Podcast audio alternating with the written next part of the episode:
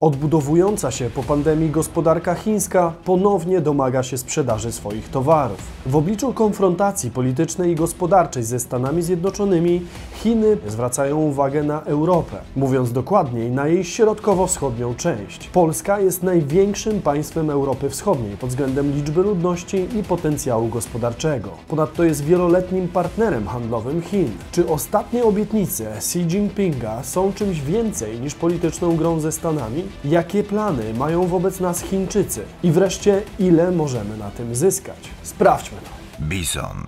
Włączeni do świata biznesu i finansów. Cześć, tutaj Damian Olszewski i witam Was serdecznie w programie Praktycznie o Pieniądzach i analitycznej serii Bizon. Dzisiaj skupimy się na gospodarczych relacjach Polski i Chin, które z pozoru się ostatnio polepszyły. Jak zauważycie jednak, spora ilość faktów w postaci liczb i konkretnych działań wykonywanych przez azjatyckie mocarstwo trochę zaprzecza optymistycznym prognozom słownym. Omówimy niedawną wizytę prezydenta Andrzeja Dudy w Chinach, nowe rozmowy o wielkim centrum logistycznym, a także brak konkretów w stosunkach polsko-chińskich w ostatnich latach. Pod koniec natomiast dostaniecie bizońską ciekawostkę.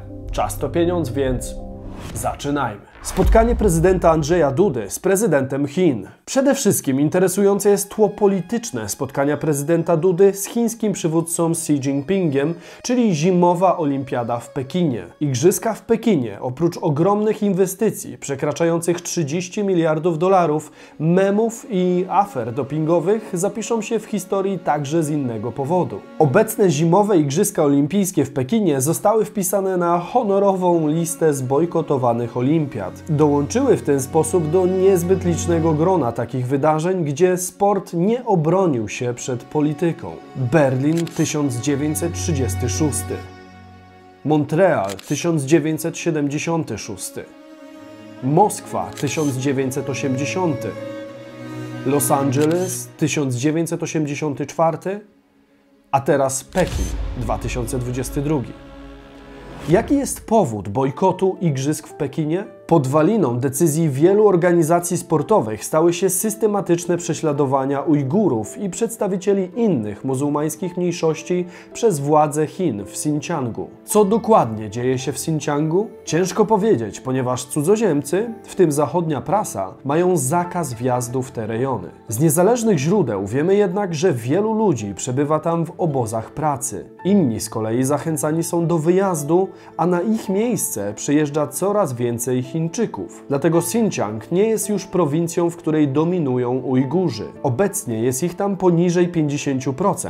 Teraz większość stanowią już Chińczycy. To polityka rozrzedzania tamtejszej ludności, tłumaczyła w TOK FM dr Katarzyna Sarek z Zakładu Japonistyki i Sinologii UJ. Jako pierwsze decyzję o dyplomatycznym bojkocie zbliżających się zimowych Igrzysk Olimpijskich w Pekinie podjęły Stany Zjednoczone. Jednocześnie USA w ten sposób złamało zasadę neutralności politycznej sportu. Wysłanie na te igrzyska dyplomatycznej reprezentacji oznaczałoby, że traktujemy je na zasadzie business as usual, czego w obliczu rażących naruszeń praw człowieka i zbrodni Chińskiej Republiki Ludowej w Xinjiangu zrobić po prostu nie możemy, oznajmiła na początku tygodnia rzeczniczka Białego Domu Jen Psaki. Ciekawe jak skomentowałaby słowa prezydenta USA Roosevelta. Nie mieszajmy sportu i polityki, które powiedział w 1936 roku, kiedy ZSRR, a wraz z nim kilka innych krajów, ogłosiły bojkot Igrzysk Olimpijskich w Berlinie. Zarówno wtedy, jak i teraz Igrzyska Olimpijskie pozostają przede wszystkim środkiem geopolitycznym, a już w drugiej kolejności biznesem. Oczywiście na tym tle chińskie kierownictwo polityczne musi udawać, że wszystko jest w porządku i tak powinno być. Na tym tle nikogo nie powinna dziwić aktywność, z jaką chiński przywódca Xi Jinping spotyka się z przybyłymi do Pekinu politykami zagranicznymi. Spotkanie z polskim prezydentem również odegrało ważną rolę. Zanim jednak dokładniej przyjrzymy się stosunkom polsko-chińskim, trzeba sobie przypomnieć, czym jest jedwabny szlak. Jedwabny szlak podstawy handlu Chin z Europą. Jedwabny szlak to były starożytny szlak handlowy łączący Chiny z Zachodem, który przewoził towary i idee między dwiema cywilizacjami Rzymu i Chin.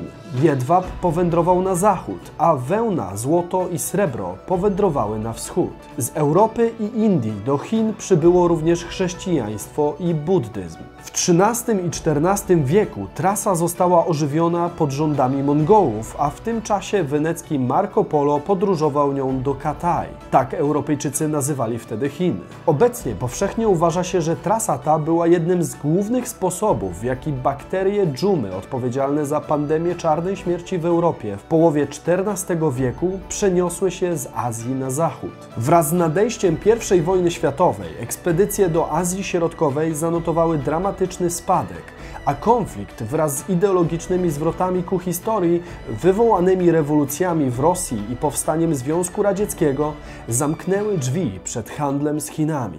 Jak duża jest gospodarka Chin? Następnym stopniem do zrozumienia złożonych stosunków gospodarczych pomiędzy Chińską Republiką Ludową a Europą czy Polską będzie dla nas porównanie gospodarek. Chiny są nierównomiernie rozwinięte, a duża część pracochłonnej produkcji koncentruje się w dużych miastach. Ten przemysł może rozprzestrzenić się na inne części kraju i do tego obecnie dążą Chiny. W takim przypadku azjatycka gospodarka niejako będzie w stanie zastąpić się sama, bowiem znacznie tańsza siła robocza na peryferiach pozwoli Chinom przez jakiś czas utrzymywać niskie ceny swoich towarów, podczas gdy rozwinięte, wielomilionowe miasta będą konsumować coraz więcej towarów. Do tego to właśnie peryferie Chin i prowincje mniej rozwinięte będą miały kluczowe znaczenie dla przyszłego eksportu tego kraju. Pekinie już nikt nie ma zamiaru pracować za przysłowiową miskę ryżu, natomiast praca ludzka ma olbrzymią wagę w cenie dóbr wytwarzanych przez Republikę Chin. Podobny rozwój nastąpił w Stanach Zjednoczonych po II wojnie światowej, gdy produkcja przeniosła się z bardziej tradycyjnych ośrodków miejskich do mniejszych miast w całym kraju, wspomagana proliferacją autostrad międzystanowych. Warto przyjrzeć się także mapie, na której chińskie prowincje są oznaczone nazwami krajów, których PKB w przybliżeniu odpowiada potencjałowi gospodarczemu tych prowincji. Aby zrozumieć obecną potęgę gospodarczą, jaką stanowią Chiny, wystarczy zdać sobie sprawę, że gdyby każda z 33 prowincji Chin stała się osobnym państwem, to aż 26 z nich znalazłoby się w top 50 krajów pod względem PKB na świecie. Polskę można by zastąpić jedną prowincją, choćby Fujian. Podobnie zresztą z dużo większą obszarowo Portugalią, której PKB przypomina prowincję Goiju, czy jeszcze większą od niej Australią, której PKB wynosi ponad tryliard dolarów, a którą zastąpić można najsilniejszą pod względem PKB prowincją Chin,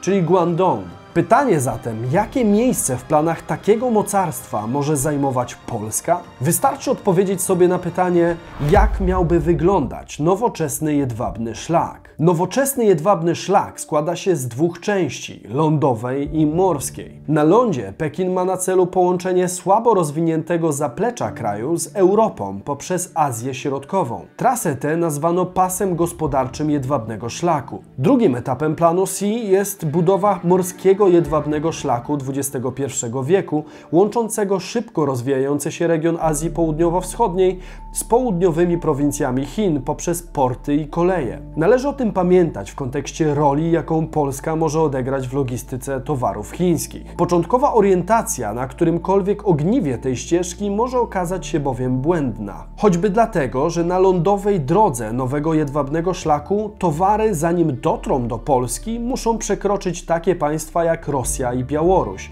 z którymi Polska ma dziś niezbyt dobre stosunki. O naszych dość skomplikowanych relacjach z Rosją czy Białorusią nagrałem zresztą już parę odcinków, które możecie obejrzeć tutaj. Duże inwestycje w logistykę lądową mogą stać się elementem wpływu gospodarczego na niezależną politykę państwa polskiego. Dodatkowo działania krajów trzecich, które doprowadzą do opóźnień w dostawach z Chin, mogą również osłabić pozycję Polski jako partnera logistycznego.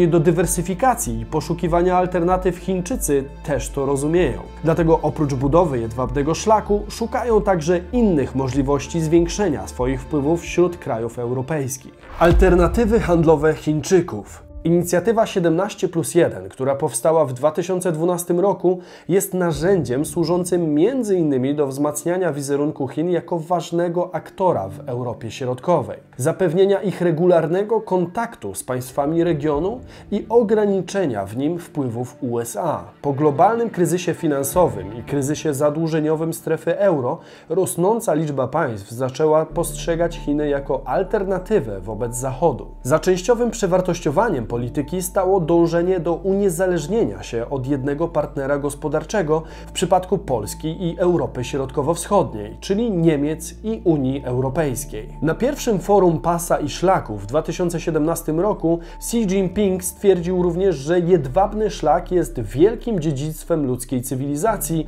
dziedzictwem pokoju i współpracy, otwartości i inkluzywności, wzajemnego uczenia się i wzajemnych korzyści. Jednak te piękne słowa słowa odrobinę nie współgrają z liczbami. A jak dobrze wiecie, liczby znacznie rzadziej kłamią od ludzi. Według raportu niemieckiego Mercator Institute for China Studies z 2019 roku łączna wartość chińskich inwestycji w 12 państwach unijnych Europy Środkowo-Wschodniej należących do 17 plus 1 w latach 2000-2019 wyniosła niecałe 9,5 miliarda euro, z tego 1,4 miliarda wydano w Polsce. Dla porównania, w tym okresie w samych Niemczech Strona chińska zainwestowała prawie 23 miliardy euro, a we Włoszech niemalże 16 miliardów. Nawet ponad 2,5 razy mniejsza od Polski pod względem PKB, Portugalia przyjęła wtedy chińskie inwestycje o wartości 6 miliardów euro. Przedstawiciele polskich władz stopniowo odchodzą od niezachwianego entuzjazmu i wypowiadają się w bardziej stonowany sposób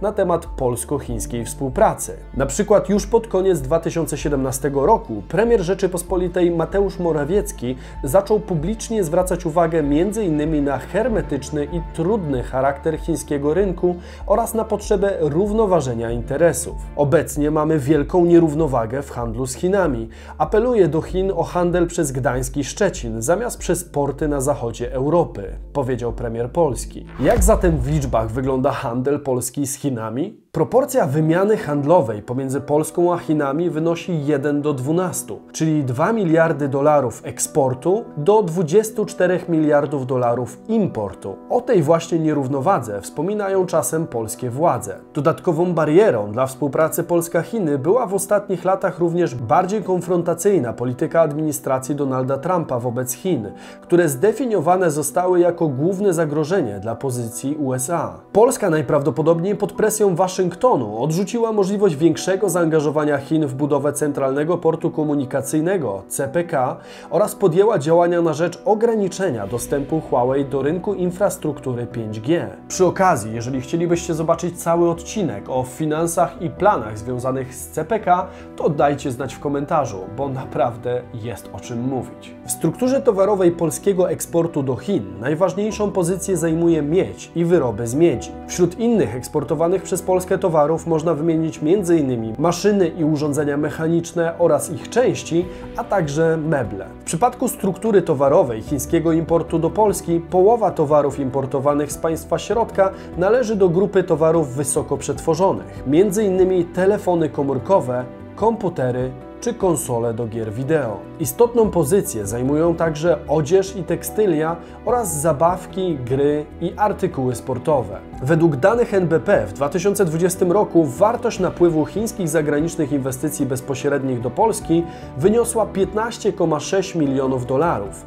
Natomiast stan zobowiązań z tytułu chińskich inwestycji bezpośrednich w Polsce wyniósł na koniec 2020 roku 286,3 miliony dolarów. Szacunkowe wyliczenia Wydziału Ekonomicznego Ambasady Rzeczypospolitej w Pekinie wskazują na możliwą wartość łącznych inwestycji oraz aktywów chińskich w Polsce na koniec 2020 roku na około 2,2 miliardy dolarów. Oprócz ekspansji towarowej nie należy również zapominać o ekspansji budowlanej. W sierpniu 2019 roku chińska firma Stekol wygrała przetarg na budowę odcinka obwodnicy Łodzi S14 o wartości 724 miliony złotych. Z kolei w czerwcu 2020 roku polsko-chińskie konsorcjum wygrało przetarg na budowę wartego około 4 miliardy złotych odcinka Rail Baltica Czyżew Białystok. W grudniu 2020 roku ogłoszono informację, że firma Stekol z ofertą w wysokości 530,8 miliona złotych została wybrana również do budowy odcinka autostrady A2 Mińsk Mazowiecki Siedlce. Przywołane przykłady dowodzą, że chińskie firmy stają się coraz bardziej skuteczne w rywalizacji o przetargi infrastrukturalne w Polsce oraz w Unii Europejskiej. Mimo oczywistych wad w bilansie polsko-chińskich relacji handlowych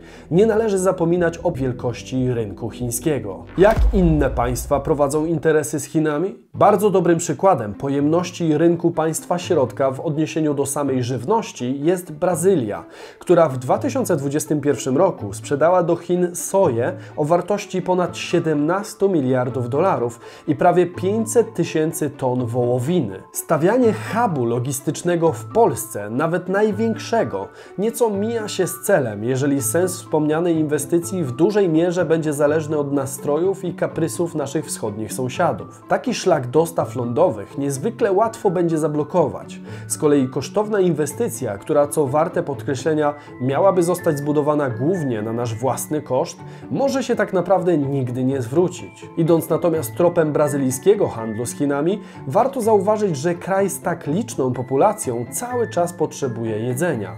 Szczególnie w świecie postindustrialnym, gdzie główną działalnością staje się przede wszystkim przetwarzanie informacji, a nie produkcja przemysłowa. Ponadto produkty spożywcze wydają się być najlepiej chronionym towarem w kontekście faktu, że Chińczycy nadal masowo kradną i kopiują cudze technologie. Według nowych badań przeprowadzonych przez McKinsey Global Institute, wielkość chińskich rynków konsumenckich w połączeniu z szybkim wzrostem dochodów sugeruje, że wzrost konsumpcji może potencjalnie osiągnąć 5 bilionów dolarów do 2030 roku. W ciągu zaledwie dekady Chiny mogą stanowić prawie tyle samo, co Unia Europejska i Stany Zjednoczone razem wzięte. Pekin i Moskwa utrzymują pogłębioną współpracę strategiczną, a wizje ładu międzynarodowego obu krajów pozostają pod wieloma względami zbieżne. Punktem wspólnym jest chęć osłabienia wpływów USA w Europie, postrzegana jako bariera w realizacji interesów Chin i Rosji. Władze w Pekinie zdają sobie sprawę, że narastające dysproporcje w potencjale obu krajów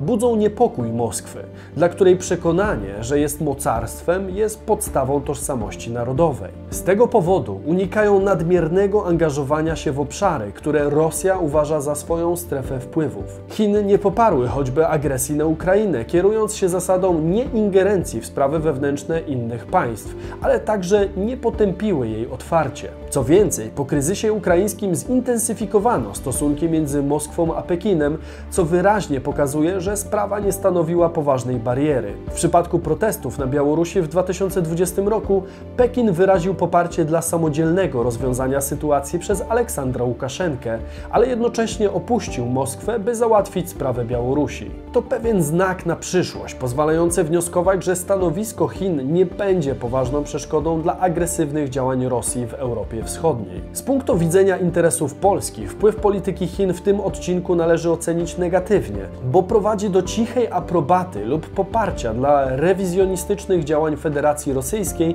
na obszarze postsowieckim i w Europie Wschodniej, co w przyszłości może stanowić dla nas zagrożenie terytorialne. Z drugiej zaś strony krytyczne postrzeganie polityki chińskiej poprzez kraje europejskie może również pomóc Polsce w negocjacjach z Chinami. Krytyczne podejście Europy do Chin, a interes Polski. W ubiegłym roku Jan Lipawski, minister spraw zagranicznych Czech, był jedną z osób odpowiedzialnych za wykluczenie Rosji i Chin z przetargów na kontrakty na budowę reaktorów w czeskiej elektrowni jądrowej. Partia Piratów, z której wywodzi się polityk, znana jest z krytykowania władz państw takich jak Turcja, Chińska Republika Ludowa czy Rosja i oskarżania ich o łamanie praw człowieka. Lipawski opowiada się także za pogłębieniem więzi z Tajwanem. W październiku zeszłego roku nazwał on Republikę Chińską na Tajwanie ważniejszym partnerem gospodarczym Republiki Czeskiej, wielokrotnie ważniejszym niż Chińska Republika Ludowa. Ostatnie wydarzenia na Litwie, gdzie otwarte było biuro handlowe Tajwanu, również wywołały wywołały ostrą reakcję i sankcje handlowe ze strony Chin. Nawiasem mówiąc, rum litewski, który był blokowany przez Chiny,